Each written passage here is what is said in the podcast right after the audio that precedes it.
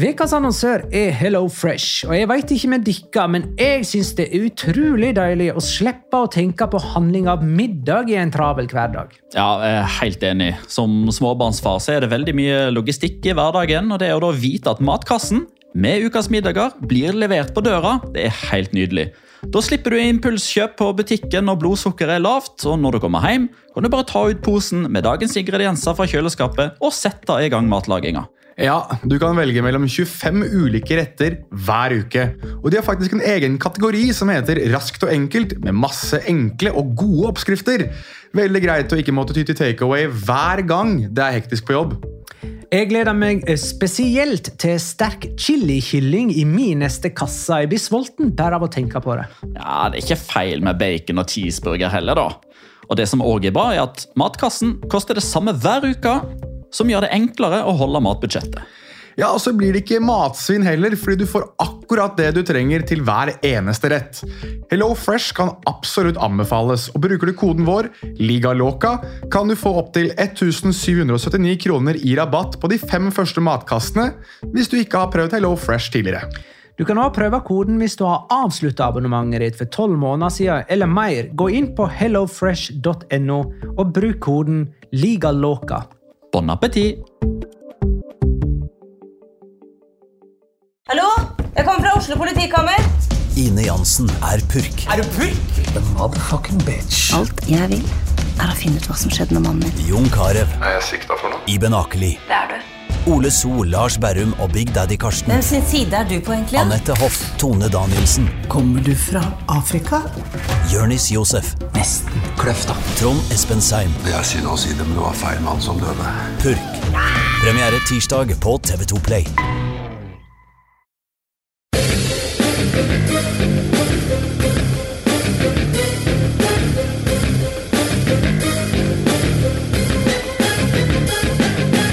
Har du sett? Barcelona er seriemester i Spania. Det kom som lyn fra klar himmel søndag kveld at Barcelona plutselig hadde vunnet La Liga. Dette tok oss alle på senga, og like forbløffende var det at Deportivo la Coruña rykka ned. Som fotballkommentatorer pleier å si, det kom ut av ingenting.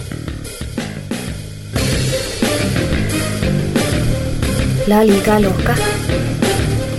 En litt gærnere fotball.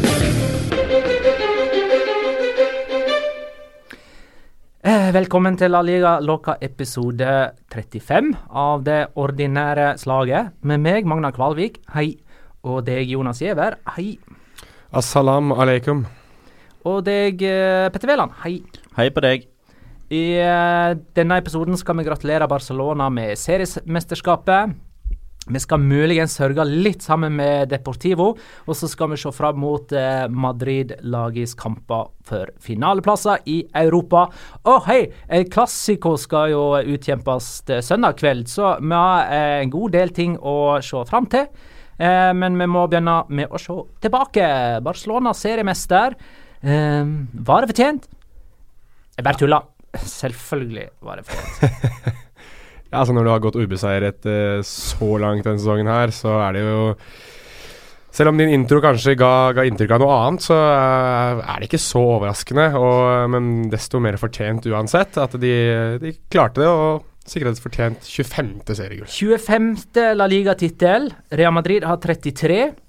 Men Barcelona tar jo veldig innpå det. Siden 1990 så har Barcelona vunnet 15 La Liga-titler. Real Madrid 8. Og, og ikke minst så har Barcelona vunnet sju av de siste ti.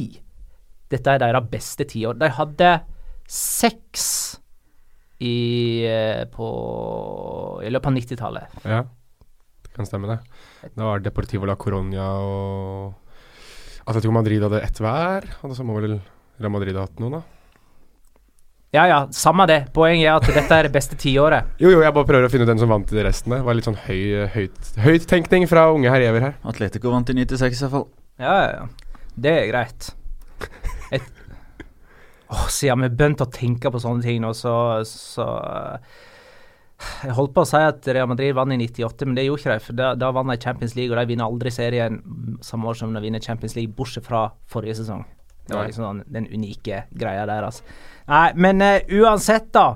Um, Jeg vet ikke, skal, skal, vi, skal vi begynne med hyllesten før vi kommer med advarsler og liksom framtidsspådommer? Det kan vi jo, men nå sitter det jo sikkert noen uh, lyttere og er litt irriterte over at vi ikke sier hvem som faktisk vant de andre ligatrofeene på 90-tallet. Skal de måtte google det sjøl, eller skal vi faktisk si det? 97-98 var Barcelona.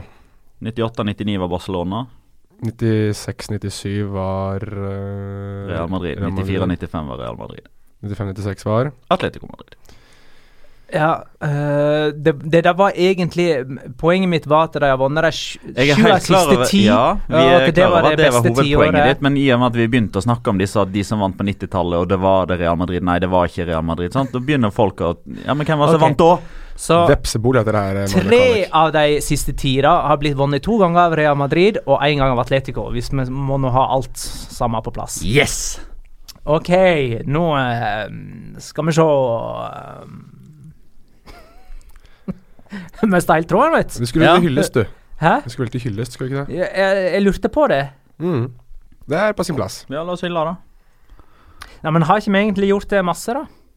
Ja, sånn stort sett. Hvis vi kan ta, La oss ta kampen, da. Der kan faktisk hylle. Der er det mot mange hylle. De, Deportivo la Coruña. Mm. Eh, for der er det lett å Der har vi noe konkret. Eh, eh, eksempel samarbeidet Lionel Messi uh, Luis Suárez. Ja, Eh, først, Første mann som eh, har tre målgivende til én og samme spiller på ni år i La Liga. Suárez til Messi. Hvem var siste, da? Bojan Til Messi. Uh, og har, har de merka hver gang de slår en pasning, så går de umiddelbart på løp, sånn at de er tilgjengelige for å få ballen i retur med en gang. Ja, det kalles veggspill. Ja, eh, og hvor ofte de gjør det. Og eksempel da Suárez slo den der utsidepasningen til Messi da han skåra på hel volley, Mhm. da er jo Suárez ledig igjen på bakerste stolpe, så han kan slå på tvers, sånn som Suárez gjorde seinere i kampen. Mm. De gjør det der hele tiden. Jeg, Mm. ble, jeg ble tatt litt på senga jeg av den eh, 2-3, var det vel? Nei, 2-4. Når de begynte å leke seg ordentlig. Når Suárez i stedet for å skyte sendte ballen tilbake igjen til, eh, til Messi. Ja, stemmer. Det, det var 2-3-målet, ja. Var det 2-3? Ja, for det er 2-4 er jo da Messi eh, blir sendt igjennom av Suárez og plasserer ballen De kommer rett etter hverandre, det de skåringene. ja, da var det 2-3. Ja, Mm. kom rett etter hverandre, gjorde de ikke det? Så det er Ja. lett å blande de to. Da var det sånn, rent sånn kommentator-messig, så forberedte jeg da en, å, å kommentere en Suárez avslutning. Mm. Men så kom det en pasning i stedet, og det var jo ikke bare jeg som ble finta ut av det. Det satt jo Deportivo sjakkmatt òg. Kan vi i ettertid, eh, med litt sånn fasit i hånd, si at den supercopaen i august spilte en stor rolle i Barcelonas tittelsesong? Altså For det første, de tapte 5-1 over to kamper mot Real Madrid, eh, og varsellampen begynte virkelig å lyse. Piquet gikk ut og sa eh, For første gang så føler jeg at vi er underlegne Real Madrid. Eh, og i tillegg så fikk eh, Cristiano Ronaldo fire kampers karantene for det røde kortet, så han var ikke med den første måneden. Eh, og allerede i La Liga, da, og allerede halvveis ut i september, så var Real Madrid sju poeng bak. Ja. Når man ser tilbake igjen, så er det, det er liksom et av de til punktene man skal oppsummere eh, den spanske fotballsesongen, da. Med, med liksom eh, hva gikk galt eh, for Real Madrid, så er jo den karantenen til Cristiano Ronaldo et av hovedpoengene.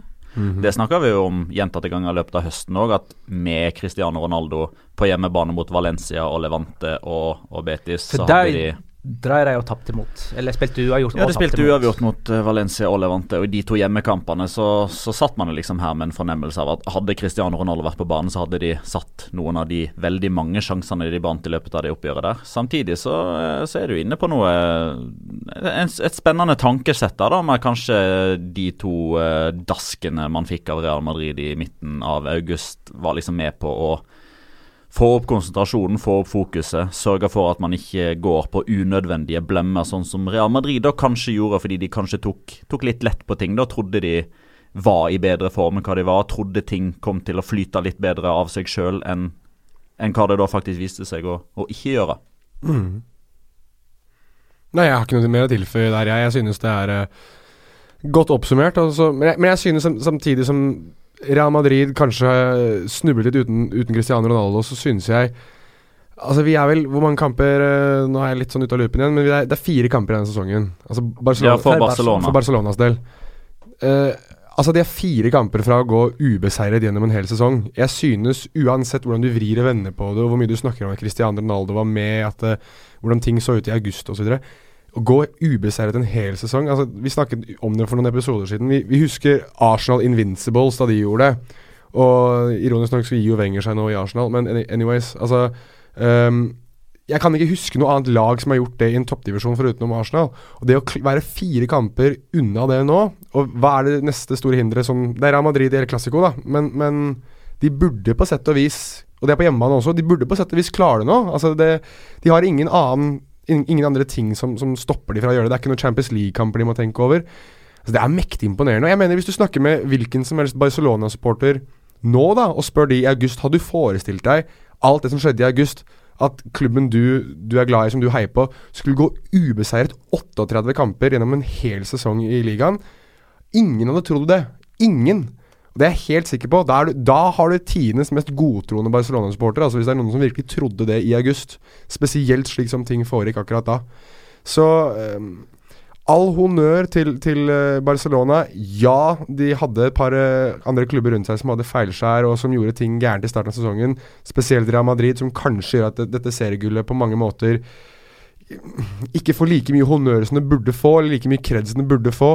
Men virkelig, hvis de klarer det, noe det ser ut til at de kommer til å få til, så er det noe av det absolutt mest imponerende jeg noen gang har sett fra et fotballag. Ja, og så er det jo viktig å understreke òg at det Jeg sitter ikke med en følelse av at det er Real Madrid og Atletico Madrid som liksom har kasta bort seriegullet. Det er Barcelona enig. som har vunnet det. Helt enig. Og det, det syns jeg det er veldig viktig liksom, å, å være klar på. Og så er det òg Altså, seriegullet blir avgjort i, i april.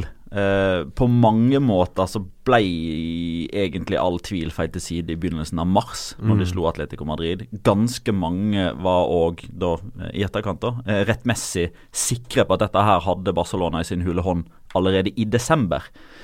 Og, og akkurat, akkurat den- ja, og akkurat den følelsen av at man er overlegne, gjør jo kanskje at man ikke i like stor grad yter Barcelona den rettferdigheten, da, fordi man har liksom ikke den gullkampen som hele tida gjør at man blir liksom påminnet om For- denne gullkampen, Nei, fordi gullkampen har ikke vært der. Får ikke følelse av finale, liksom. Nei, man gjør ikke det. Men, men samtidig, det er jo litt rart, da. Eh, fordi vi har jo eh, to ganske like sesongutviklinger i La Liga og, og Premier League. Men samtidig så føler jeg at man er langt mer rause med rosen overfor City. Mm. Og de avgjorde enda tidligere, så det er jo egentlig et argument i seg sjøl at man ikke skal kunne rose Barcelona for å vinne La Liga så tidlig som de gjør. Mhm. Så, så det er liksom merkelig dynamikk akkurat det der. Men det, det, det tror jeg faktisk Barcelona-supporterne er med på å, å skape litt sjøl. Fordi forventningene er så høye at et vei, ethvert feilskjær blir liksom så voldsomt opphausa. Og det feilskjæret som de faktisk har hatt denne sesongen, det var jo så gigantisk at sjøl i et postmatch-intervju Sergio Busquets, rett etter at de har blitt seriemester, Mm, for ja. syvende gang på ti år, i april, fire kamper før slutt, så må han liksom stå der og forklare hva som skjedde i Roma. Eller har skuffelsen i Roma altså overskygge det at dere har vunnet serie og cupgreier? Altså, han får faktisk det spørsmålet. Ja. Sier sitt, da. Det, ja, det sier sitt. Mathias Hagen spør hvem har vært Barcelonas beste utenom Messi. Oi, jeg er helt sikker på at eh, hvis, vi hadde, hvis vi hadde tatt vekk april fra beregningen her nå, så hadde jeg og Petter begge to sagt om Titi i kor. Uh, men jeg kommer faktisk til å si Marc-André Terstegen. Ja, men da sier jeg om ti til, jeg. Gjør du det? Er det fordi det er ja, Ter men, men jeg, jeg syns det er så vanskelig å skille så hvis Terstegen får de stemmer, så får om ti til mi. Ja, grei. Jeg syns Terstegen har, eh, har no pun intended, tatt steget opp uh, blant verdens absolutt aller beste keepere denne sesongen her. Uh, vært solid, vært en bærebjelke for, for Barcelona denne sesongen her. og for Barcelona, Vi, jo, vi så litt på det tidligere i sesongen, at Barcelona blir jo testet en del mer eh, fra distanse og, og store sjanser enn de kanskje har blitt litt tidligere. Og jeg synes Ter på veldig mange måter understreker også den soliditeten som Barcelona har funnet denne sesongen her. At det er blitt et mer kompakt forsvar. Et forsvar som, selv om de blir testet Enten så har de en ledestjerne i Omtiti, eller så er da Ter Stegen eh, den reddende engel for dem. Så jeg synes eh, Nå ligger han vel én uh, clean sheet, en smultring bak og, og blakk. Er det sånn det er? Uh, og det synes jeg er vanvittig imponerende uansett, med tanke på at Atletico Madrid har bygget sin æra, eller sin, sin uh, hva skal jeg kalle det for noe? Sin, er- sitt rykte på forsvar, da. Han er vel to bak nå, tror jeg. For Ja. vi, jeg tror vi hadde denne diskusjonen for tre serierunder siden. Ja, og da ja. var de likt. Stemmer. Ja. Og nå har Oblak uh, Atletico Madrid har holdt nullen i de tre siste. Ja. Eh, det betyr at uh, det Oblak har fått to Hver- mer, men Werner sto nå. Ja, Stemmer. Så det betyr jo faktisk det at hvis eh, Diego Simione eh, lar eh, Jan Oblak få flis i ræva, eller eventuelt at han sitter på tribunen de tre siste kampene òg, så er Samora-trofeet hans bankers. Jørgen Uansett. Rørstad spør Hvis vi hadde vært ansvarlige i Barcelona, hva ville vi ha gjort på overgangsmarkedet i sommer? Inn og ut, altså. For å lykkes, lykkes på alle fronter. Jeg ville ha hatt en spiss til, jeg, tror jeg. jeg en som kan avlaste Luis Suárez. Ha i mente nå eh, Barcelona har vunnet Copa del Rey fire år på rad. Mm. Eh, og råker ut av kvartfinale i Champions League tre år på rad, ikke det sånn?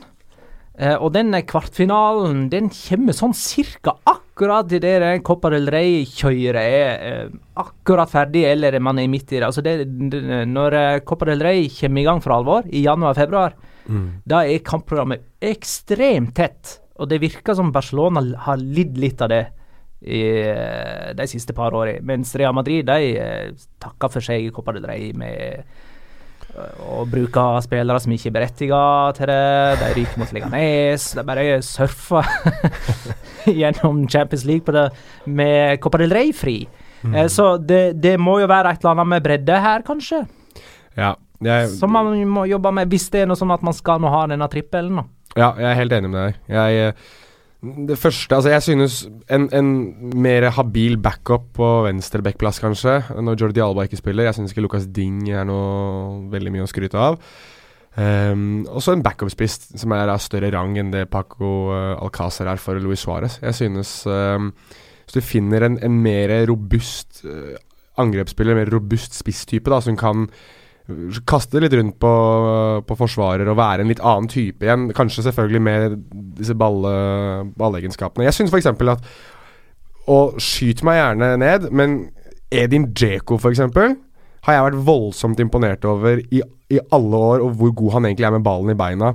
Å ha han som et alternativ eh, på topp der for Louis altså Jeg vet ikke om han hadde syntes det er så gøy på benken i Barcelona, men forestill deg det, at det står ja, 1-1, det er eh, 20 minutter, 30 minutter igjen. Luis Suárez får det ikke helt til å stemme den kampen her. Å kunne sette, sette inn på Edin Djeko i, i sånne oppgjør Gir de flere strenger å spille på? Ja. Det gjør det. jeg, jeg, hvis de skal ha et navn, så får jeg lansere det, da. For jeg si at syns, jeg syns at uh, en Edin Djeko-type hadde gitt Barcelona noe helt nytt, da. Uh, å spille på, og, og noe mer solid, noe mer robust uh, lengst framme. Og luftstyrke, ikke minst. Så Så kommer jo han Arthur, brasilianeren. Kommer kanskje nå til sommeren. Uh, kanskje Ja. kommer han i januar 2019. det blir nok januar, for han skal spille Copa Libertadores.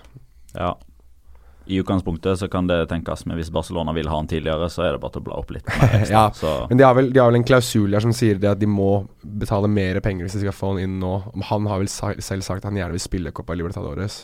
Så det blir litt eh, spennende å se. Men uansett, han har jo fått veldig gode skussmål i Brasil. Han eh, snakkes jo om som den neste store midtbanevirtuosen fra, fra Brasil, så og mest sannsynlig så blir han vel å finne i Brasils VM-tropp også. Og Jeg vet ikke om han kommer til å være en som starter alle kamper, men eh, han blir jo spennende å følge med på. Og så er vel Coutinho tenkt som Iniestas erstatter, uansett. Ikke han det? Ja. Er ikke det derfor han ble henta i utgangspunktet? En ny venstreback, da kanskje. En, en som kan avlaste Jordi Alba i større grad Ja. og mer Ding suksessfullt. ut. Eh, det er ganske sannsynlig at Jeremina blir leid ut, så eh, et stopperalternativ til muligens en sånn type som kan bekle både venstreback og, og, og, og midtstopper. da. Eh, ikke nødvendigvis de to som jeg nevner nå, men en type som Nacho Monreal og eller Lucas Hernandez, som kan spille både stopper og back. Mhm. Som òg kan gjøre det mulig for Luis eh, Nei, for Luis Henrique, sier jeg. Der, der er vi nå. Ernesto Valverde kan, eh, kan spille tre bak, om det er et alternativ òg, med en sånn type løsning. Mathieu, er han tilgjengelig? Eh, nei, det er han ikke. Og så må de finne en ny klubb for eh, André Gomez. Det er til alles eh, beste, tror jeg. Ja, jeg er enig. Så er det jo eh, masse rykter rundt Antoine Griezmann. Det er det jo. Nevnte du Paco Alcácer nå, altså sånn apropos det å bør, burde finne en ny klubb til? Han rent personlig, altså hvis han skal bli den beste utgaven av seg sjøl og spille fast og jevnt og trutt og skåre masse mål og sånne type ting, så, så bør han kanskje det. Men hvis jeg hadde styrt og stelt, som vel var premissen her, så ville jeg fortsatt å ha han. Med mindre en type som Jeko hadde kommet inn, da. Syns det var et bra spørsmål, jeg, for øvrig. Ja, eh, visst var det et bra spørsmål. Det er jo flere som stiller spørsmålstegn ved eh, Dembélé. Anders Forstun f.eks. For Passer han inn? Uh, og jeg mener, no, dette er mine ord, men uh, Skaden til tross, da. Har han brukt dette året på liksom å komme såpass inn i Barcelona som man skulle tro? Nei. Jeg har blitt skuffa totalt sett. Uh, og jeg har jo vært en av de som har, liksom har tenkt litt sånn Ja, men vi må gi han litt tid før vi halshogger han, holdt jeg på å si. Uh, men samtidig så er jeg liksom Jeg er raus nok, jeg har hjerterom nok til å ville gi han en preseason med Barcelona først. Men det viktigste Dembélé uh, kan, eller det, det han må Altså, han må ikke ha det så travelt. Altså, Det ser ut som han spiller i Eliteserien. Han skal, han skal til mål så fort som det, det lar seg gjøre. Og, og, Han må forstå at det er ikke han som dikterer tempoet i Barcelona, det er Messi. Dembélé skal løpe når Messi vil at han skal løpe. Det har han ikke klart å forstå ennå. Jeg tror at for hans del, så, så bare for å ha skutt det inn, så har det vært Jeg mener å huske at i, i, Dortmund også, så hadde han problemer med å, med å venne seg til et nytt land og en ny kultur. At han var litt sånn litt sånn for seg selv. At han var ikke den mest øh, høylytte i garderoben og var den som prøvde å menge seg mest med sine nye lagkamerater. At det ble et problem øh, til slutt også. Så det kan jo fort være at han er en sånn litt sånn asosial type som det, som det er vanskelig å komme, komme under huden på. Um, og det tror jeg har litt å si. At, uh, Men han spiller jo fortsatt som om han var Dortmund-spiller. ja, kanskje han ikke har klart å venne seg til det at han spiller i Barcelona. Jeg synes han skal få en sesong, jeg, i hvert fall. Uh, han er såpass ung og har så, et såpass høyt potensial at uh, jeg synes Barcelona er uh, litt Litt for trigger-happy, for å bruke et annet engelsk begrep, hvis de skal fjerne han allerede. Ja, han, han koster for mye til at de kan kvitte seg med han allerede. Ja, jeg er helt enig, ja. Jeg ser ikke hvem som skal betale det nå i, i et år etterpå, da. Spesielt med tanke på at han ikke har vist seg fram noe særlig. Uh, vi takker farvel til Deportivo La Coruña. Det er bittert, surt. Det er litt sånn Én ting med nedrykksstriden er at nedrykkslag har tatt færre poeng enn det som er vanlig. Nå er jo alle nedrykklag klare. Det er Deportivo Las Palmas og Malaga. Men en annen ting er at laget som sikrer seg plass, altså fra 17. og oppover, tar mer poeng enn vanlig. Så det er sånn der sammenfall av kjipe eh, ting som gjør det lite spennende. Så eh, til sjuende og sist ble jo Deportivo sjanseløse, men de hadde hadde jo egentlig en god kamp. Mm. mot Barcelona. Altså for, det fortsatte jo trenden med å bomme på sjanser. Ja, men bare, bare, for å tallfeste det du sier der, da. Altså Forrige sesong så ble jo Leganes nummer 17. Da hadde de 35 poeng. 17.-plassen nå har 40, mm. og det er tre serierunder igjen. Det er bare sånn tre ganger de siste ti år i at, nok, at laget har endt opp over 40 poeng på 17.-plass. Skal du ha en morsom uh, statistikk, holdt jeg på å si, så, eller fakta som er nå, jeg har tabellen foran meg. Chetaffe er jo på syvendeplass, som er da europaligakvalifisering. De har 49 poeng. Det er ni poeng, altså, mellom syvende- og syttendeplassen i La Liga. Det er ganske spinnvilt. Røkler det, altså. Det er, spin, det er spinnvilt, altså. Det er ni poeng mellom 7 og 17, ja. og tolv poeng mellom 17 og 18. Og ja. 11 poeng mellom 1 og 2. Og elleve poeng mellom 4 og 5. Så det er, det er egentlig jevnt i alle deler av tabellen der det ikke er viktige plasser å spille om. Mm. Men uh, er det nå vi skal Kjempemerkelig sesong. Er det nå vi skal begynne å hause opp denne Europaligaplassen, siden det er det, det eneste vi har? vi skal kjempe, kjempe for uh, oppmerksomheten. Ja, det er, jo, det er jo strengt tatt det eneste jeg håper å si spenningsmomentet som er igjen. Altså Selvfølgelig, for alle med hjertet i enten Atletico eller Real Madrid, så er det jo selvfølgelig en kamp der hvem som blir to, hvem som blir tre. Ja, det er det jo. Det er det jo. Og det, det, betyr jo mye for veldig mange, selvfølgelig. Eh, bare for å avslutte Deportivo. Hvordan er det med mm. Sedorf? Er han ferdig etter denne sesongen? Han, uansett, han stilte seg vel på sett og vis disp, altså, han, han stilte seg sjøl tilgjengelig for muligheten til å bli med ned. eh, etter eh, kampen i går, men sa at det var ikke noe de hadde diskutert fordi det var først nå nedrykket ble formelt uh, spikra. Skal han bli med ned, så må han ned i lønn. Uh, men det er klart at jeg, jeg, jeg syns faktisk jeg har sett en ganske fin framgang der. Helt enig. Progresjon under uh, Clarence Edoff. I begynnelsen der så lot resultatene vente på seg, men da hadde de fryktelig uflaks. Husker hjemmekampen mot, uh, mot Español, blant Ja, annet stemmer. to i, stål, to i stanga, Florinandone brant straffe. Mm. Uh, så de, altså, hvis du, hvis du ser på de tre lagene som, som rykker ned nå, da, så er det jo et hav av forskjell Mm, på hvor enig. hjelpeløse Las Palmas og Malaga har vært kontra Deportivo. Hvis du kan si noe om Deportivo la Coronia etter den kampen her, så er det det at de går ned med flagget til topp, syns jeg. Altså, de kjempet og gjorde det de kunne. Igjen, da. Det bare holdt ikke helt inn. De bare er ikke gode nok. Akkurat nå, altså per eh, 30. april, så er det ikke et godt nok lag for La Liga. Men jeg, men jeg synes, hvis det er noe de viste i hvert fall i den kampen der, da, mot, mot Barcelona, og kommet tilbake fra 0-2 til 2-2 så er det det at de, det, er, det er en fighting spirit. Det er et lag som vil veldig gjerne være i La Liga. De bare har Kanskje varsellampene har gått uh, røde litt for seint for dem. Uh, hadde, jeg tror at hadde det vært snakk om fem, seks, syv serierunder til, da, så tror jeg faktisk man kunne ha fått en ordentlig eh, kamp der med, med Levante og Deportivo la Coruña. For det virker som noe har klikket i, i Depor-laget.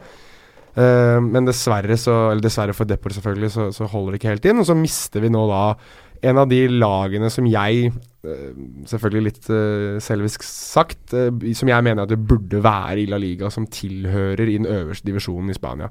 Så det er, det er trist, det er leit. Nå skal Celso Borges og gutta ned i en divisjon, og så tipper jeg at det burde gå relativt fort før de er opp igjen.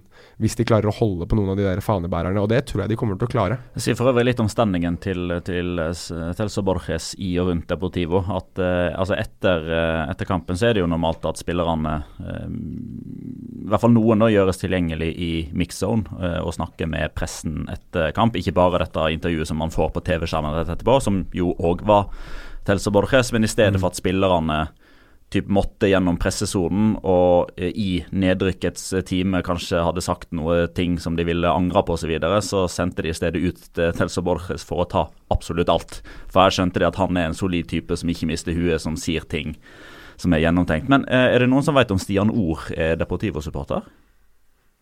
Jeg veit ikke. Nei, jeg har ingen idé. Nei. Det er nedrykkskongene i, i Spania. Det er ellevte gangen de rykker ned fra La, fra La Liga.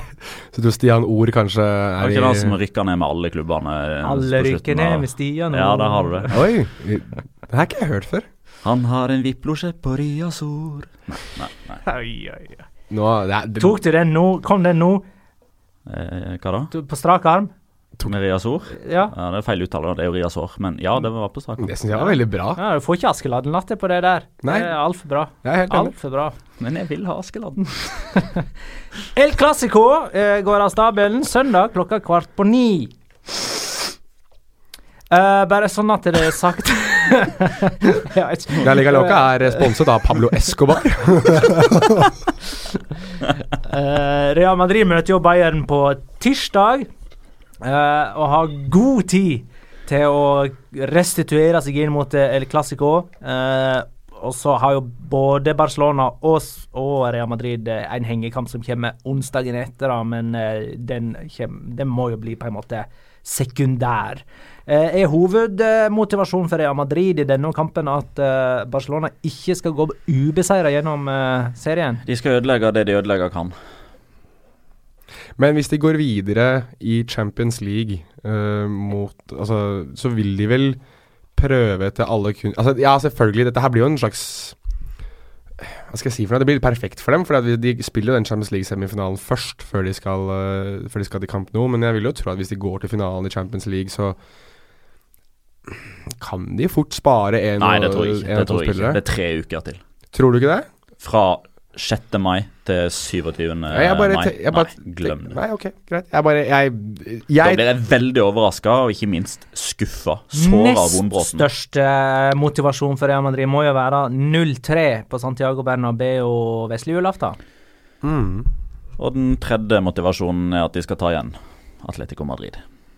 Poengtap der, så da tror jeg ikke de klarer det. Fair motivasjon er Cristiano Ronaldo skal fortsette å skåre mål.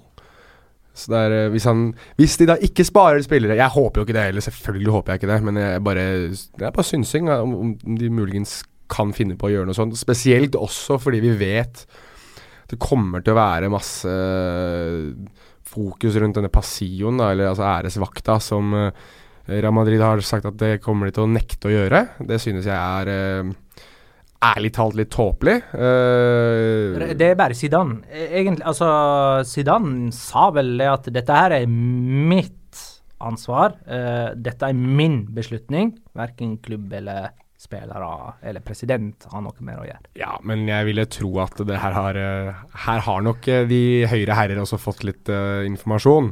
Jeg tror ikke Zidane står Informasjon, ja. Men påvirkning. At jeg tror ikke Florentino Perez sitter og er sur for det her. for å si det Nei, sånn. det kan godt uh, hende. Men uh, en annen ting, uh, om, om de ikke vil stå æresvakt Hva med en liten slags takk og farvel og en hyllest til Iniesta? når man ser f.eks. hvordan Manchester United uh, takka av uh, ja, Arsene Wenger på Old Trafford og Det var på eget gress, vet du.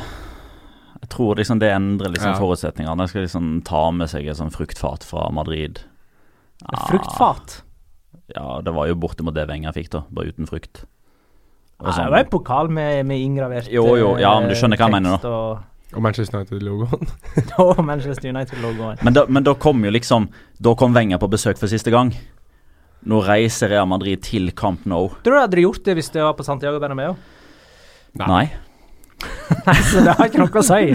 Nei, men, jeg tror, men jeg tror hvis han hadde starta kampen og ble byttet ut, f.eks., så tror jeg faktisk fort at det kunne blitt noe Iniesta-rop og, og, ganske solid applaus. Han er blitt applaudert av banen der en gang mm. tidligere. For som Arsène Wenger sa så fint, når du ikke utgjør en fare lenger, da kommer kjærligheten fram. Mm. Det er faktisk godt sagt. Det er veldig mm. sagt. Og så er det òg et godt bilde på uh, hvor Altså, hvis, hvis man om eh, la oss si 20 år, da, når vi skal liksom fortelle neste generasjon om hvor stor og populær Andre sine gjester var, så kommer man jo til å ha mange eksempler som man liksom kunne vise. da.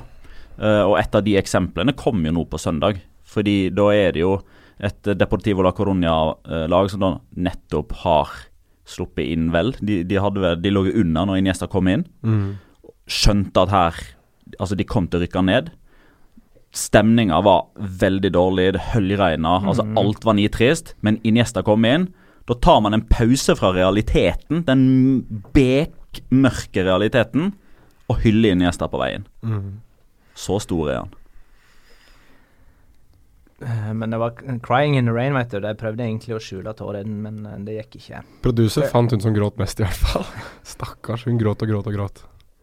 Uh, men hvor stor er denne, dette klassikoet egentlig? Det, hvor stort er det? Altså, setter ikke det en demper på hele Jo, det gjør det. begivenheten? det er ikke noe poeng i å lyge. Det er det ikke. Men uh, ja, ta Spania. Vi kjenner Spania. De kjører jo gjerne hel helg med oppbygging. Jo, jo, men det, det, det, kommer de til å gjøre det nå. Kommer de altså, til å gjøre. Altså, det kommer fortsatt til å være 30 sider ja, bare El Clásico ja, ja, i marka. AS, ja, ja. El Mundo Men vi snakker jo en kontekst her. eller Vi, vi, vi har jo et, et, perspektiv på det. En form for målestokk. Altså, El Clásico er alltid stort. Mm. Altså Om så Barcelona hadde stått med 100 poeng og Real Madrid hadde stått med 40, er så er El Clásico gigantisk. Men innenfor liksom Altså Når man ser på de El Clásicoene man har hatt de siste ti årene, så er dette her liksom på, på langt nede på nedre halvdel sånn internt av hvor mye som står på spill. Men det betyr ikke at det ikke står mye på spill. Betydningsmessig så er det vel kanskje det, et av de mest ubetydelige El-klassikoene. Ja, siden, ja, det, det, det liksom, ja, siden Det var vel 2008, når Barcelona da ja. sto æresvakt for Real Madrid og fikk deng med 4-1 etterpå. På Santiago Bernabeu. På Santiago Bernabeu. Ja, stemmer. Ja, nei, det er jo Det er vel Ja, det er vel et, siden, siden, den så er det det mest uh, ubetydelige. Og da men selvfølgelig, altså som, som, eh, som, vi begge, eller vi alle tre egentlig har vært inne på her nå, selvfølgelig det går, Nå kommer det til å gå sport i å være den som ødelegger den der eh, rekka til, um, til Barcelona. Og, hvis, og vi vet jo at det er Levante på uh, det har du sagt lenge. du har sagt det veldig lenge. Ja, nå er jo Levante faktisk ja, Det er jo det beste laget i La Liga de siste åtte serierundene. Men uh, skal vi ta og se litt på det Real Madrid eh, har framfor seg eh, før El Clásico? Uh, Tar imot Bayern München um, tirsdag kvelden med 2-1 fra bortekampen uh, og gå på en ny Juventus-smell. Ja, det er mulig, det. Altså, det Champions League-året Champions League-året her er jo helt hinsides. Det er jo helt kanakkas. Det er, man vet, jeg syns det er helt umulig å tippe ting eller prøve å forutsi noe. Vi skal for øvrig tippe El Clásico seinere. Er. For de som lurer på eh, hva det blir av El Clásico-tippingen. Det skal vi. Men jeg, jeg synes øhm, Jeg synes egentlig at, at Real Madrid gjennomfører en veldig god bortekamp i, um, i Champions League. Altså De er litt De er effektive, og de, de tar egentlig de sjansene de får uh, mot Bayern München, som jeg egentlig forventet mer av. Nå mister de jo både Boateng og Robben i kampen, som er katalysatorer begge veier. Og Um, de Boateng spiller i alle fall ikke Nei. på Santiago Bernabeu. Jeg vet ikke hvordan det er med Robben. Uh, Martinez jo, fikk jo hjernerystelse, men uh, Eller noe i den dur. Ja, men mist, eh, han er vel tilbake. nå mistet jo Real Madrid mistet jo Carvajal og Isco Ja, også. ikke sant? Så det er jo to lag som mister ganske sentrale brikker. Um, jeg tror uansett at det summen av de som er mistet i, i denne kampen her, i det oppgjøret her, uansett går i favør Real Madrid. At Real Madrid er det sterkeste laget på papiret, og på hjemmebane så er de solide. Det er uh, iallfall i Champions League, og, og Si hva man vil om, om den Juventus-kampen. Det var en liten glipp de hadde der, selvfølgelig. Og, og så kan vi snakke om Michael Oliver en gang til hvis vi har lyst til det. Men uansett så synes jeg det at det, her skal Real Madrid videre. Og altså Champions League-hymner og alt mulig rart. Cristiano Ronaldo som ikke skåret sist kamp, så må han jo gjøre opp for det i denne kampen her. Um, Det er veldig mange, eh, apropos Michael Oliver, det er veldig mange som eh, mener at Real Madrid får veldig mange uh, dommeravgjørelser, kontroversielle sådan, til sin fordel, år etter år etter år. Eh, så skal vi bare si det med en gang, at eh, det gjør de òg mot uh, Bayern München på Santiago Bernabeu. Eh, så Bayern München må De må skåre sikkert eh, tre mål for å gå videre, fordi at Real Madrid får i alle fall én skåring godkjent som skulle væ- vært annullert, og Bayern München får én spiller utvist som ikke skulle ha vært utvist. Skal vi tippe på dommerfeil? Synes dere vi burde gjøre det? Uh, Jeg jeg har litt lyst til å lese opp eh, noen av eh, dialogene eh, Petter har hatt på Twitter med, med lyttere og seere i det siste. Men jeg skal ikke gjøre det. Nei. Du skal få slippe. Nei, men eh, for å bli mer seriøs igjen, da. Carvahall ute, betyr det Lukas Vaskes på høyre bekk?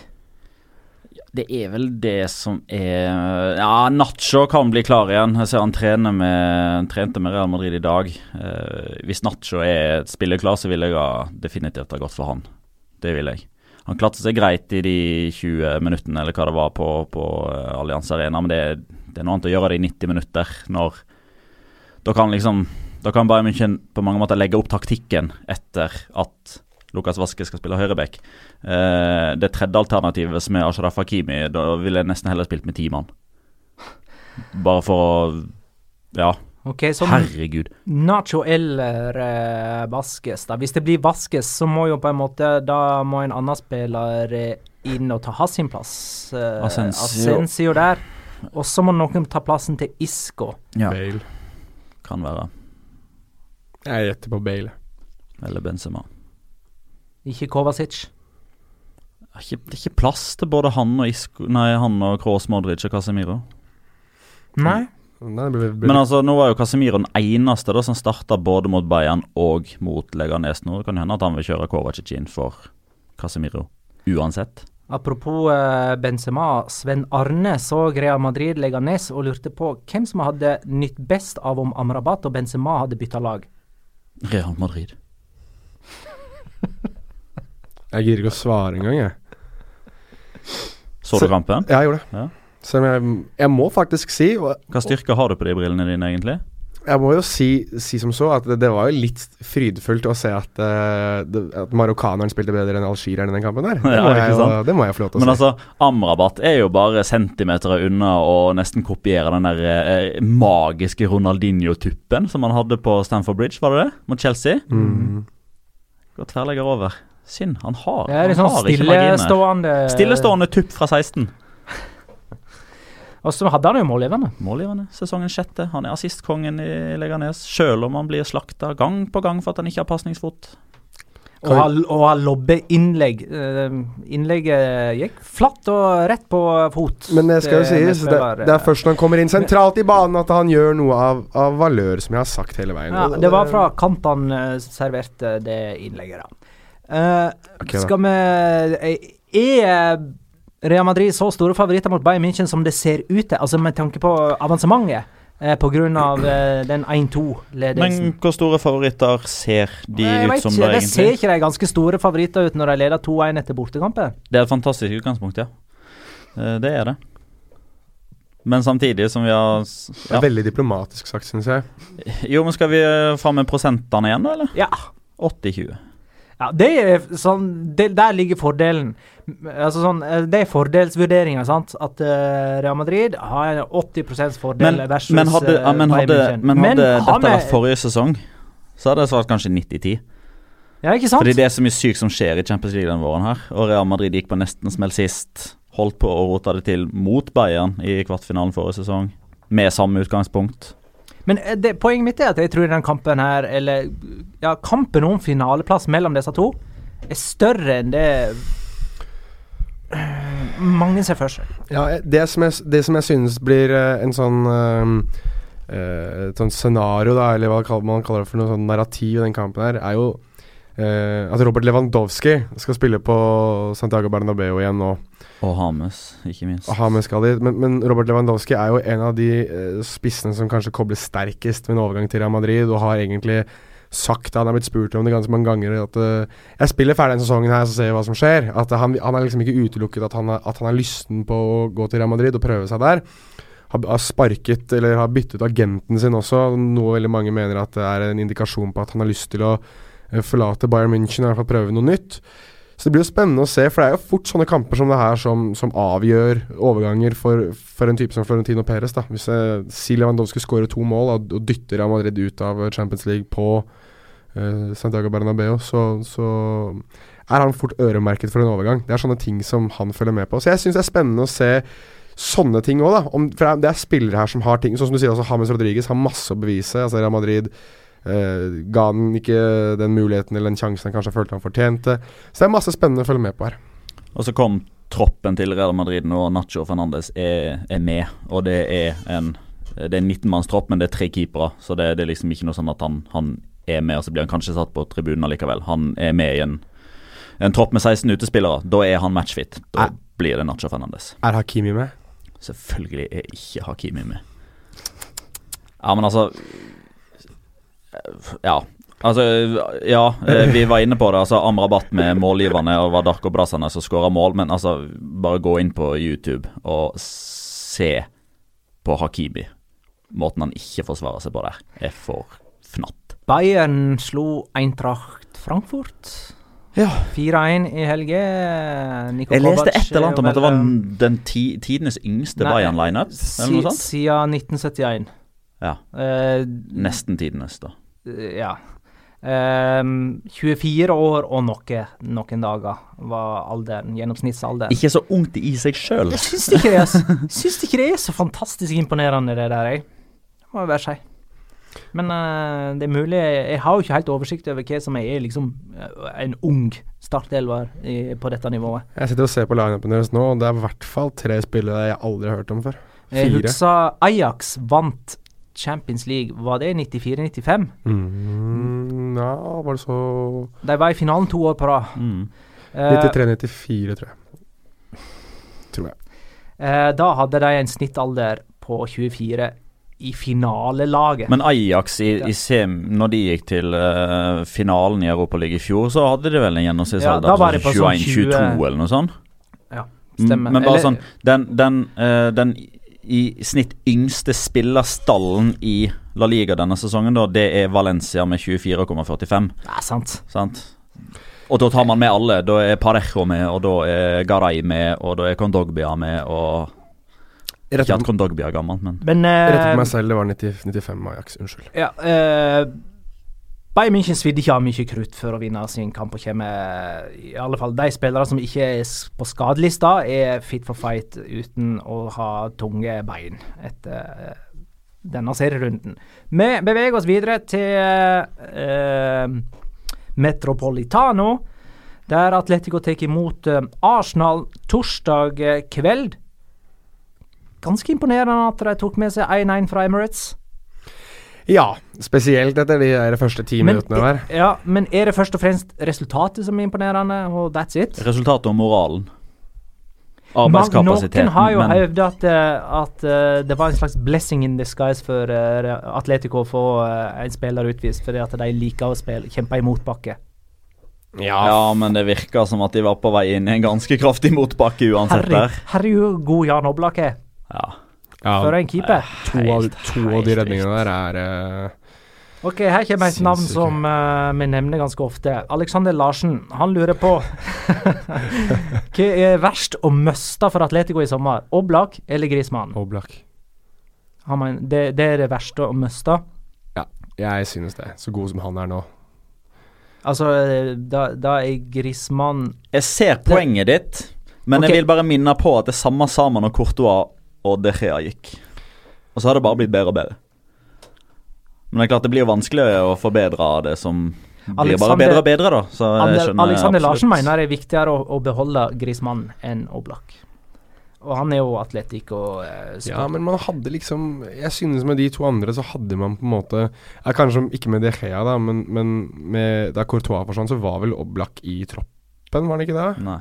Og han var han ikke øremerket for et kjøp av Jeg husker at han kom inn ganske fort etterpå, og så hadde han Ja. en sesong hvor han ikke spilte så mye, hvor det var Moya.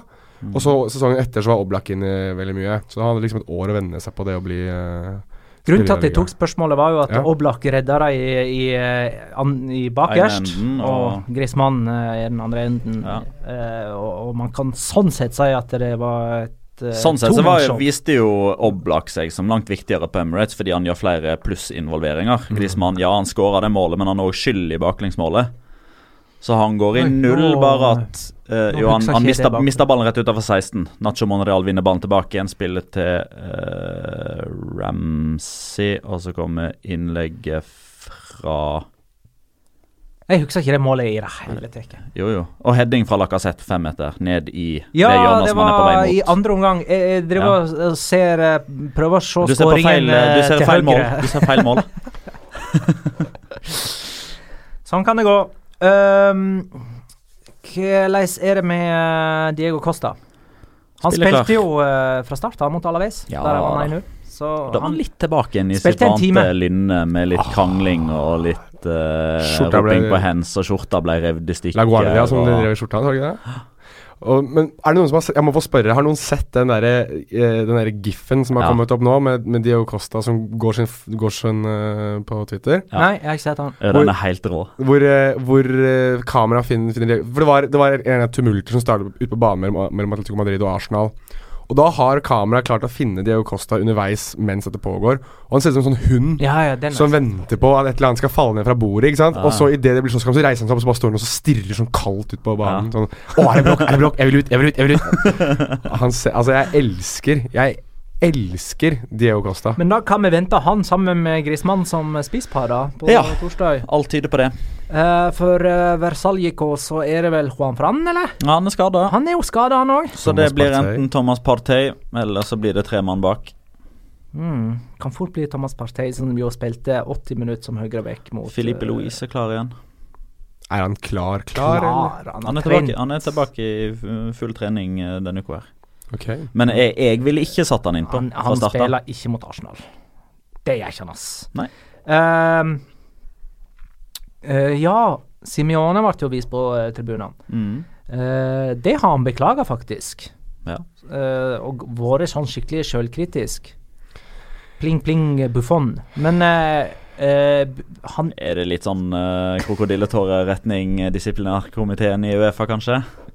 det ja Han Eller bare sagt Er er det sånn nå at uh, karanteneramma hans er oppe til vurdering, og dermed så kan han være på benken uh, på Metropolitano, men får ikke være i en eventuell Nei finale? det, nei, det tror jeg ikke. Jeg tror det, det Altså, bortvisning er automatisk én kamp.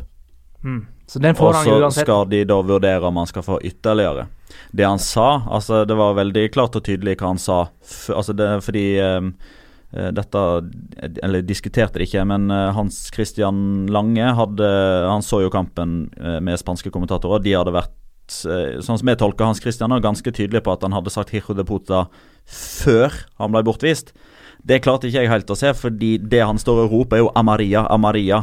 Altså, eh, så, så peker han litt sånn, og så Los Dos, altså Amaria, Amaria, altså Ja, ja. Amaria Aki. Det er Altså Han ville ha gult kort, det var det som var reaksjonen hans. Så blir han vist bort, og så begynner han å snakke om eh, hva mora jobber med, eller hva mor til dommeren jobber som. Ja, det var vel eh, Ja, det er flere som plukka opp eh, den Hijo de Puta-varianten. Men, men det er jo litt sånn det er jo litt viktig å påpeke da at det spanske språket er bygd opp på en sånn måte at uh, å si det, altså si Hijo de Puta som ja, altså det, det oversetter direkte til horunge, altså eller sønn av en hore. Uh, jeg, men det brukes liksom på samme måte som man sier fuck off på engelsk. Og det er sånn som du bare slenger rundt. Altså Det er ingen mening bak det. Nei, det er jo ikke det. Altså, i, i Argentina og i, i Latin-Amerika så er det, jo, er det jo enda verre, liksom. Der er det jo enda Altså, la puta de que te parió, og det er jo hvis du dere som er cago en la puta, en to puta madre. For eksempel. Det er, dette er ting som uh, Nå koser vi oss her. Ja, Nå, Men dette er nå er det som like før eksplisittmerket må opp. Ja, det er ikke så langt ifra, men dette er ting som er veldig det blir på vanlig å si. spansk da, i så fall. Ja. For våre spanske lyttere. Explicita. Nei, jeg mener jo, uh, jeg mener jo at det, det er uh, Dette er ting som er veldig vanlig å si, sånn som, sånn som vi sier faen og helvete osv. Så, videre. så har det litt mer fargerikt språk, kanskje, men jeg synes uansett det er jeg syns det er svakt igjen ja, fra enda en dommer i, i, uh, i Europacup å reagere på den måten. Jeg synes igjen at uh, han får ikke noe tilsnakk, uh, Diego Simione. Det er, en, det er en dommer som virker som han har veldig lyst til å sette seg selv i fokus. Sender han rett på tribunen. Jeg, jeg, Må jo være fjerde dommer da, må ha sagt noe Ja, må- uh, grepet inn. For at jeg dommeren, hoveddommeren står jo langt ifra uh, Simione, og Men- springer rett bort til han og viser han på tribunen. Ja, han kan ikke ha hørt ting engang. Ja, jeg, skjøn, jeg synes det er ekstremt merkelig. Men, Men, men denne sånn er- dommeren her er visst litt sånn uh, tu, oh, han, turban. han, han er litt sånn. Han er litt sånn. Er litt sånn. Er litt sånn. Arsenal tapte sin sjette strake bortekamp i Premier League denne helga. Har ikke tatt poeng borte de i hele Nei, 2018. det er ganske sensasjonelt. Eh, å møte altså Atletico på Metropolitano. Og per nå er Atletico videre. Sånn er det faktisk. Når Det at kampen det blir står eh, blåst i 0-0 i det returoppgjøret. Ja. Sånn er reglene. Så Arsenal må skåre. Og Atletico Madrid slipper jo ikke inn så veldig mye hjemme heller, så Eller Slipper, slipper ikke inn så veldig mye i det hele tatt. Elleve kamper på rad. På Uten, eh, eh, baklengs. El Metropolitano uten baklengs. Til og med med Werner i mål. 1010 minutter. Men Oblak er tilbake. Det er, Oblak står i mål. eh, det er greit. er Hva er store sjanser gir vi Arsenal her, da?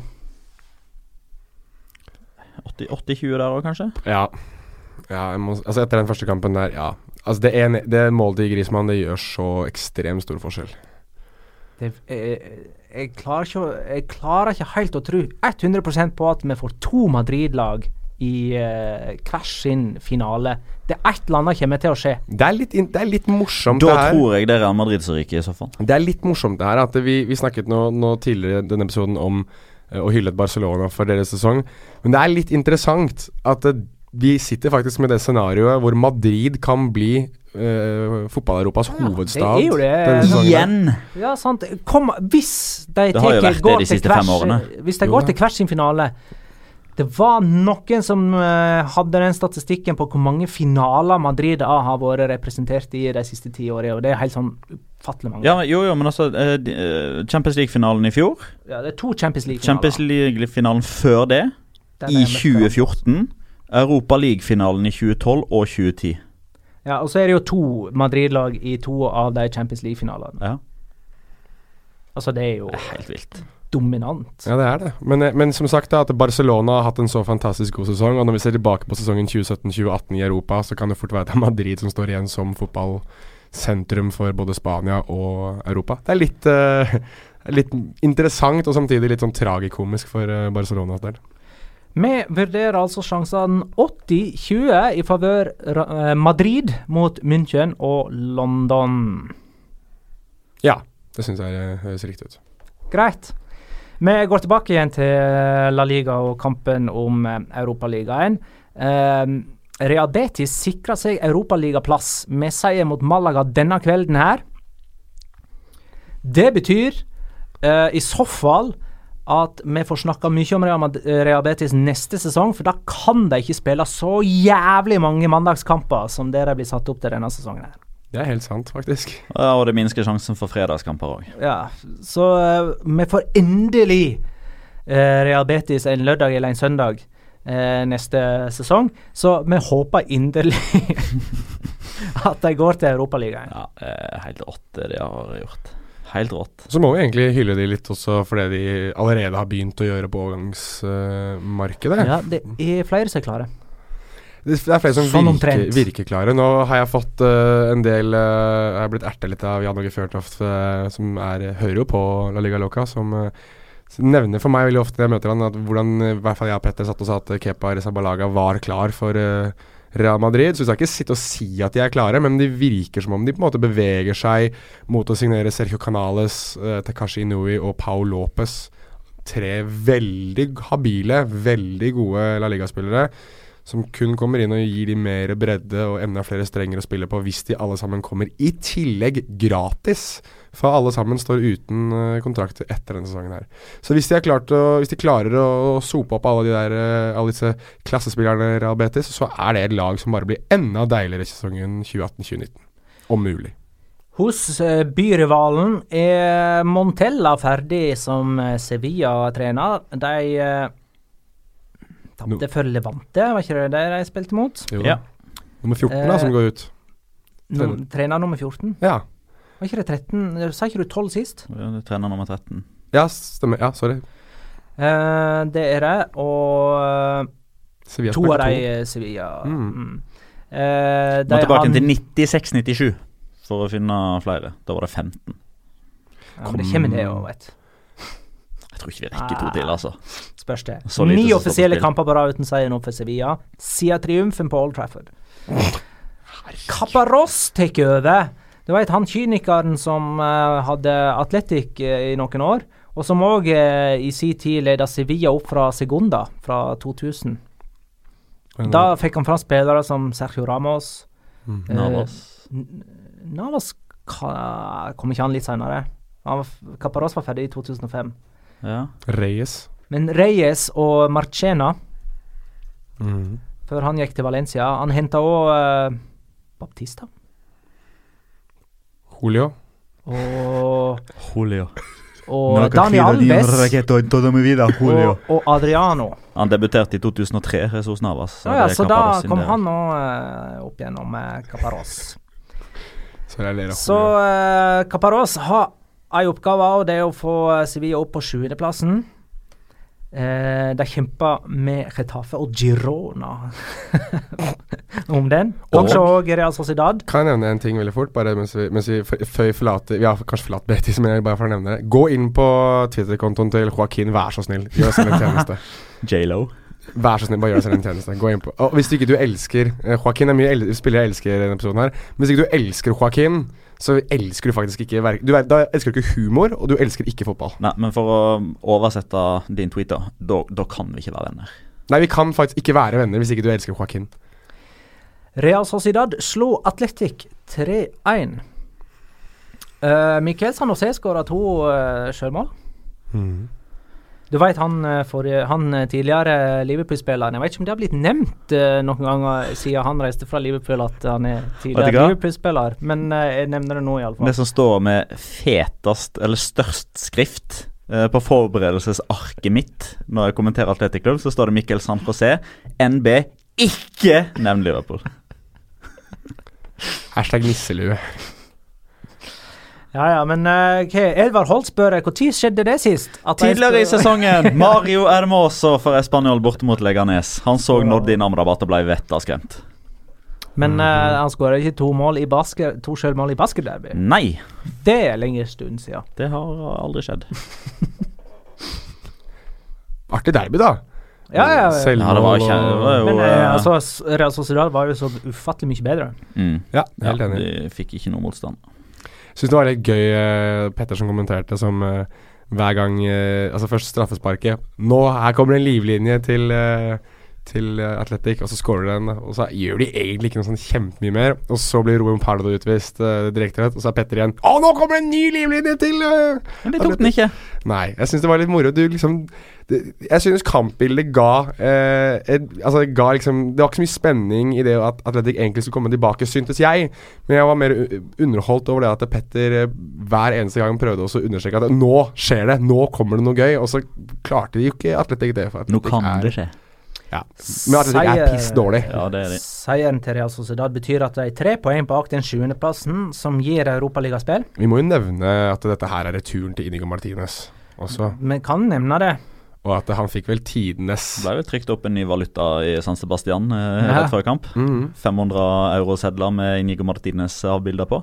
Som ble kastet etter han da han kom tilbake på Anueta. Men uh, Real Sociedad er egentlig mye å takke han for. For uh, den ene gangen han klarte å, å holde nullen som Real Sociedad stoppa denne sesongen, det var mot Atletic, hans da kommende klubb. Uh, og siden han reiste til Atletic, så har han- vunnet tre av 14 kamper. Han slipper jo inn hver eneste kamp. Jeg sa jo det Petter eh, satt på Twitter og snakket om den kampen. Og skrev jo det at det blir iallfall garanti for eh, Real Sociedad-mål, for det er jo Atletic som spiller med Inigo Martinez. Det er jo sånn det har blitt. altså Hver gang Inigo Martinez spiller, så vet du at det andre laget kommer til å score. Det er jo ikke noe Det er ikke noe overraskelse. Men jeg synes uh, Fartsfylt, morsomt derby, der uh, Real Sociedad er uh, veldig mange hakk bedre. Eh, men igjen, det er, det er sånn Altså Hvis vi skal se de to derbyene denne sesongen her, da, så er det natt og dag. Altså Det derbyet her hadde spenning, det hadde røde kort, det hadde mål, det hadde drama med Inigo Martinez, det hadde straffespark. Altså det å, altså det der makabre, blodfattige greiene vi fikk servert tidligere denne sesongen her. Det er eh, litt sånn joikakake til entrecôte, det her. All right. Sånn kan man nok si det.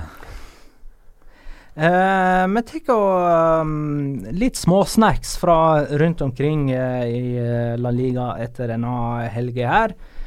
Eh, Valencia er ennå ikke matematisk sikra Champions League-spill etter bare 0-0 hjemme mot Eibar. Men uh, eh, det er, snakk, det er et tidsspørsmål. Villarreal slo Celta Vigo 4-1 med Bakka sitt første La Liga-hat trick. Første skåringen til Bakka igjen, hvor han runder keeper og ser ut som han holder på å knekke sammen når han skal runde keeper der. Ganske sinnssykt det der. Altså, han, har, han er en ekspert på det å runde keeper, men han er enda mer ekspert på det å se ut som han har vondt eneste, hvert eneste steg han tar mens han runder keeper. Fantastisk spiss. Celta Vigo forlenga ikke med Unzoe etter sommeren. Assistenttreneren til Luis Henrique da han var i Barcelona, må nøye seg med én sesong som Celta Vigo-trener. Uh, de ligger jo så langt ned. Ellevteplass, det er ganske skuffende. Veit ikke hvor interessert de er egentlig i denne europaligaen heller. Det, er jo noe med den uh, greia som Petter var inne på. Tar du sjuendeplassen, så går hele sommeren med til kvalik til Europaligaen. Men de hadde en uh, veldig fin opplevelse forrige gang de var i Europaligaen, så den, den ville de ha. Den vil uh, Sevilla ha fordi de har den historikken de har i Europa. Fordi det er en skandale om de ikke er i Europa. Jeg tror både i hvert fall Retafe vil ha det pga. økonomi og pga. noe nytt. Girona pga. økonomi. Ja, ja, ja Getafe og Girona jo, vil jo, for de vil jo være heaven. Uh, Gerard Moreno skåra igjen for uh, Español. Det ble 1-1 mot uh, Las Palmas. Han har skåra 15 av 29 mål for Español denne sesongen. Eirik Strøms Pedersen spør eh, hvor hen spiller han neste sesong. Et godt spørsmål. Hmm, jeg tror ikke han spiller spanjol. Nei, det tror ikke jeg heller. Nei, det må han for guds skyld ikke gjøre. Kan det, kan det være tenkes at han spiller for Valencia, kanskje? Altså, Viareal har jo 50 da. Så Og de mister er er Ja, de altså Bakka er på lån. virk- For en måned eller to siden så kom det vel indikasjoner på at de ikke ønsker å, For lenge. å gjøre det permanent. De vil ikke bruke de ja, mellom 15 og 20 millioner euroene det ville ha kosta de, men det, de fikk jo tre gode grunner til å gjøre det motsatte nå, da, mot eh, Celta Vigo. Men eh, Gerard Moreno, jeg synes, eh, hvis, hvis man sier et eller annet nå, så er det kanskje Villarreal som ligger nærmest an, fordi han har spilt for de før, og de fortsatt har insentiver. Det er jo faktisk eh, en perfekt måte å utvikle en eh, egen spiller på det. La han få herje litt i Spanjol, og så ta han tilbake når Bakka eventuelt ikke f- forlenge. Eller fortsetter der. Um, skal vi se Oppda Hansen spør eh, Vi venter litt med det spørsmålet til, til vi har tatt andre punkt fra eh, runden. Chetaffe spilte uh, uavgjort mot Girona. Uh, Petters sin favorittspiller Damian Suárez ble utvist uh, for et slag rett før pause. Um, det skjedde ting på straffefronten der. Er det noen som har spart den til Locora, eller skal vi ta den nå? Ja, du kan ta den du nå, hvis du vil. Mm, de bomma på sin sjette av ti straffer denne sesongen. Molina bomma på tre av dem. Det har blitt 14 straffespark i kampene til Getafe denne sesongen. Og Jorge, Jorge Molina skaffa sju av de. Det er faktisk det sykeste. Vet du hvem som ikke, har tatt, ja. eh, vet du som ikke har tatt straffe for Getafe denne sesongen her? Loic Kremi Loic Remy har ikke tatt en eneste straffe for Getafe denne sesongen her. Takk for den. Ok, da har ikke jeg flere sånne noen noe særlig punkt fra selve runden. Kan jeg komme med litt, uh, litt uh, kritikk, bare veldig fort? Mhm. Jonathan Caleri. Eh, som uh, Først og fremst vil jeg si om Jonathan Caleri Jeg husker han veldig veldig godt fra Carlos TV sin debut da han returnerte Eller redebut da for Boca Juniors. For da var Diego Maradona var på tribunen, det var veldig stor ståhei i Buenos Aires. La Bombonera var fylt i randen av Boca-supportere. Jonathan Caleri stjal showet ved å score med en Rabona. Uh, en, en, en, altså en artist av en spiss i Argentina, kjempegod. Selvfølgelig på et lavere nivå. Helt elendig i Westham. Egentlig like elendig med Las Palmas, synes jeg. Han har liksom hatt noen kamper her der han har vært god. Men det som skuffer meg aller, aller, aller mest, er han, tar, eh, han scorer på straffe for, eh, for Las Palmas og gir de ledelsen eh, mot, mot Español. Kost på deg en feiring. Altså Vis litt entusiasme. Jeg skjønner at dere har rykka ned. Det er greit. Det er, det er ikke en sesong det er verdt å juble for.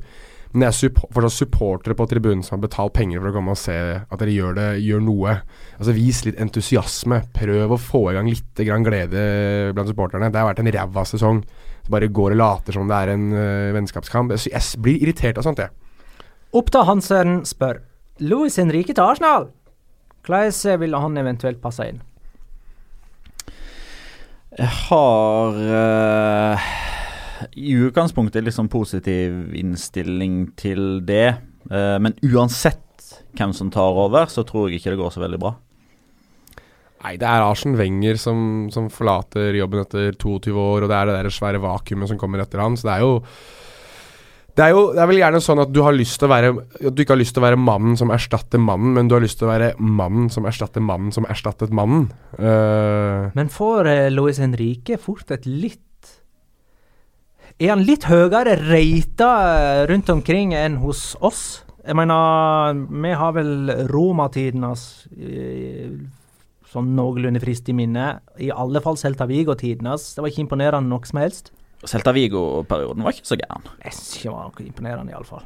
Og så kommer Barcelona-tiden, der han i første sesongen eh, nesten ble skyvd ut på dør av spillere. Uh, fikk uh, Ja, det var vel etter Var ikke det midtveis i andre sesongen? Da han var på vei ut uh, i, jan januar 2015, når han starta med Neymar og Messi på benken og de bort tapte borte mot Real Sociedad. Det var første sesongen.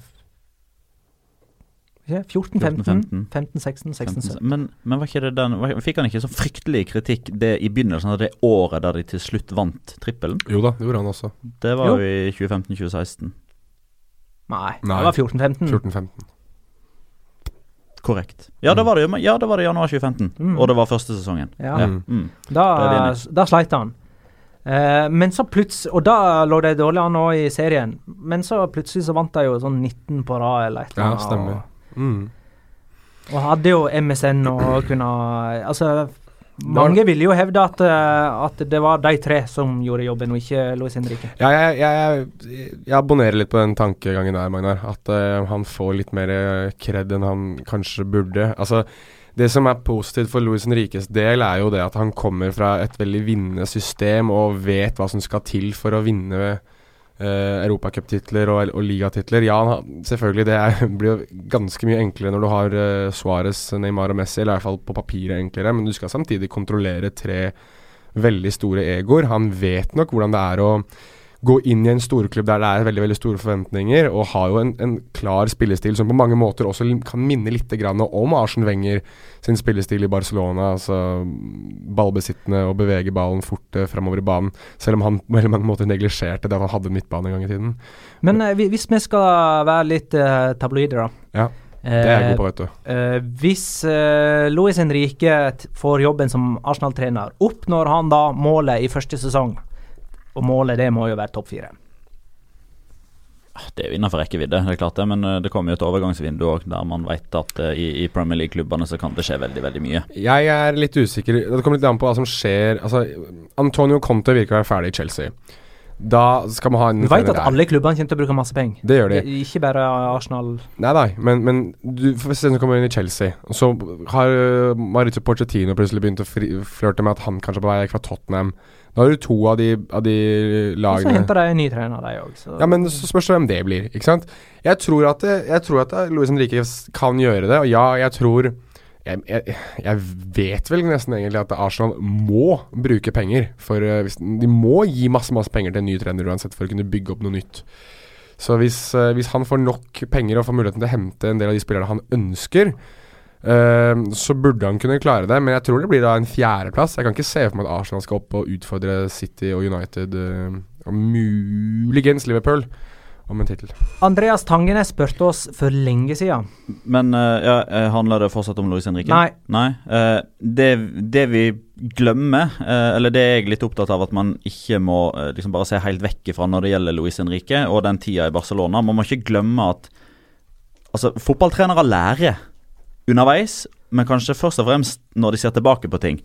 Så de feilene som han gjorde i Barcelona, har han jo i utgangspunktet nå hatt et år på å, å lære. og det å ha tre år som trener i Barcelona, det er veldig få fotballtrenere forunt. Og det å ha den ballasten når man da skal inn og ta over etter Arsen Wenger det er, ikke, det er ikke mange som har den type ballast som Luis Henrique da har. Det må med i beregninga som eh, mitt Allegri, da. Som en, Allegri har det.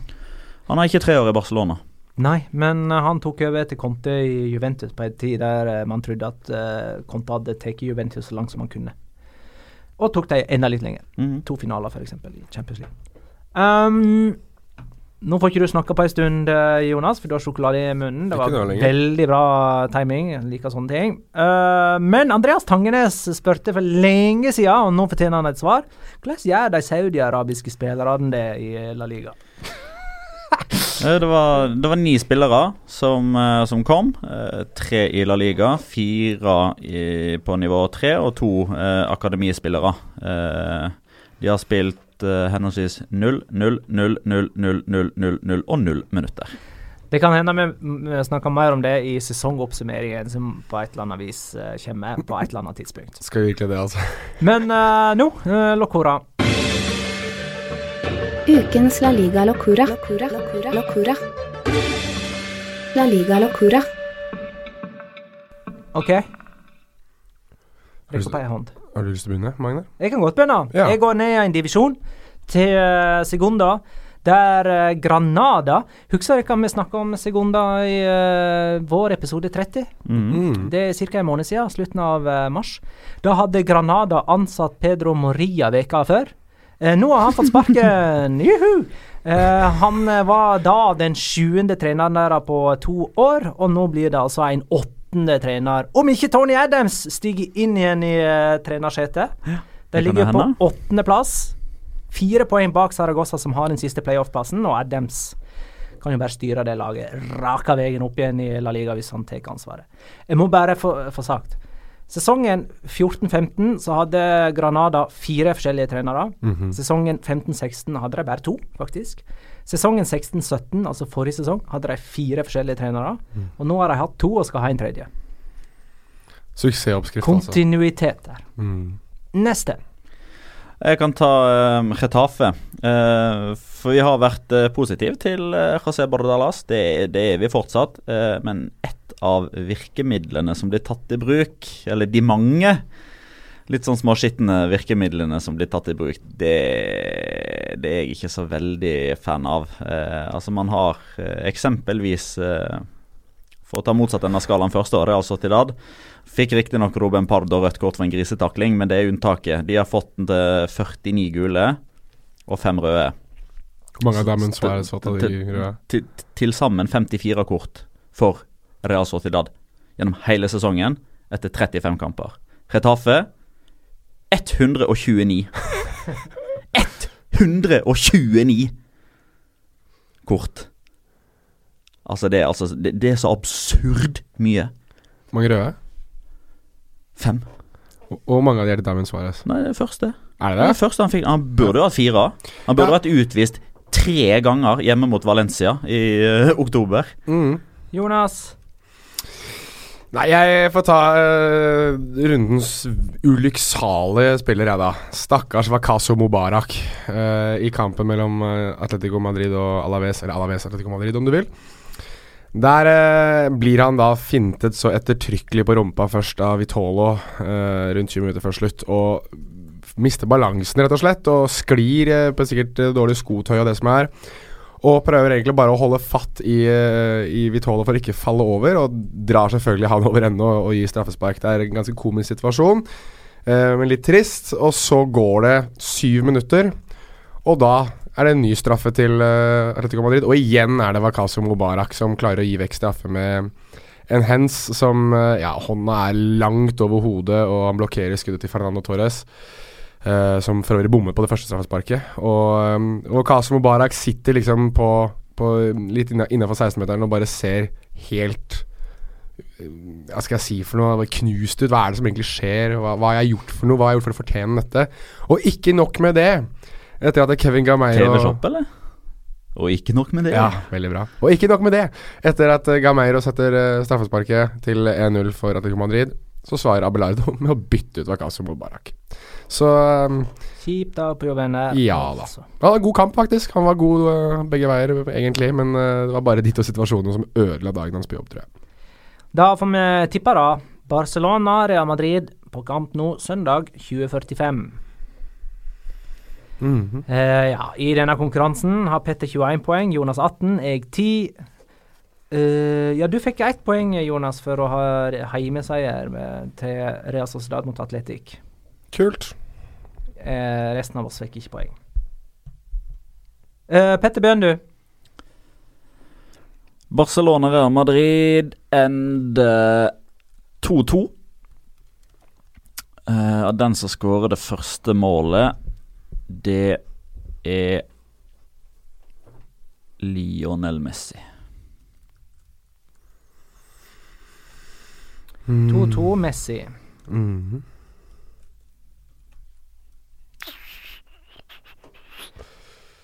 Da sier jeg ehm, Oi, det ble vanskelig. 3-0 til Barcelona og Luis Suárez. Jeg sier 1-2 og Ascensio. Greit, da er vi i mål. Ja. Det, eh, vi, Skal de kan? Vi skal nedover, og eh, vi, Det var ikke planlagt, dette her, men jeg får jo bare, jeg får jo bare typ, ta den på, på min kappe. da, med at Grunnen til at vi ikke har snakka noe om at Iniesta skal gi seg, det er for at meg og Jonas skal lage en spesial. Vi har ikke nevnt at Iniesta skal takke farvel. Har sagt farvel. Men det gjorde vi jo forrige gang. ja, vi gjorde for så vidt det. Men, ja, men det kom en eh, spesialepisode, en hyllestepisode, som vi skal Vet ikke når den blir lagt ut, men vi skal til Barcelona og jobbe litt med den. Det skal vi. Og ned og se Vi har vel kalt det for en pilegrimsreise nå til eh, Camp Nou for å se Iniesta en siste gang på, på Camp Nou, og så um, ja, spille inn en forhåpentligvis fin hyllest. Så det Petter får jo med seg eh, Får med seg Classic ringside, mens jeg skal være i studio. Så det blir, eh, det blir moro med Petter som kommentator og jeg og Roar Stokke i studio. Kos dere med det, folkens. Eh, Kos dere òg med Champions League-kampene og Europaliga-oppgjør, ikke minst eh, denne veka. Takk for alle innspill eh, og spørsmål og tilbakemeldinger som jeg får. Det er veldig hyggelig å bidra til en innholdsrik episode. Takk for at du lytta, kjære lytter. Ha det, da.